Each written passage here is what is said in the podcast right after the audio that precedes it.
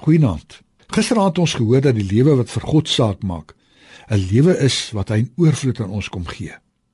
Hy kom skep oorvloedige geleenthede sodat ons hom in oorvloed aan die wêreld kan bekendstel.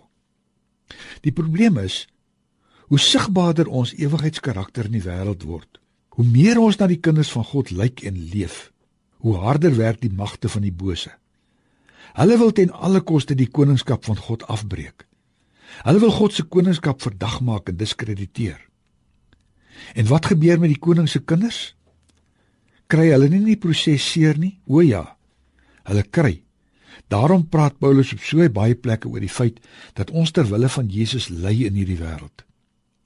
Petrus het in 'n brief aan so 'n gemeente gesê, hulle is vreemdelinge in die wêreld. Hulle is soos bywoners, mense sonder regte en sonder aansprake. In hierdie wêreld ly kinders van die koninkryk wat die ewige lewe sigbaar laat word. Want hulle dink anders. Hulle praat anders. Hulle tree anders op. Hulle is 'n verleentheid vir die wêreld wat nie deel van die koninkryk is nie. Daarom word hulle selfs vervolg. Daar is in ons dag, ja vanaand, is daar mense wie se lewe bedreig word op plekke op die aarde net omdat hulle ewigheidskarakter so sigbaar is. Maar luister wat sê Jesus in Johannes 10 vers 28 en 29. Ek gee hulle die ewige lewe en hulle sal in alle ewigheid nooit verlore gaan nie. Niemand kan hulle uit my hand ruk nie. Kyk mens na die skrywers soos die apostel Paulus, het hy nooit toegelaat dat lewensgevare sy lewe as ewigheidsmens ontspoor nie. Ten spyte van sy lyding, het hy bly preek.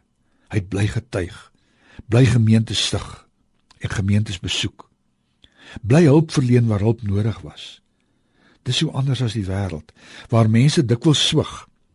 Hulle gee hulle identiteit maklik prys as hulle lewe bedreig word. Ewigheidsmense nie. Dikwels is dit juis in ons grootste seerkry en verguising dat iets van die hemel waar ons nog op pad is, nou reeds sigbaar word in die stukkende wêreld. Maar Jesus gee ons die versekering. Ons kan dalk selfs ons lewe verloor, maar nooit die ewige lewe nie. Dankie Here dat ons vir ewig lewe al sterf ons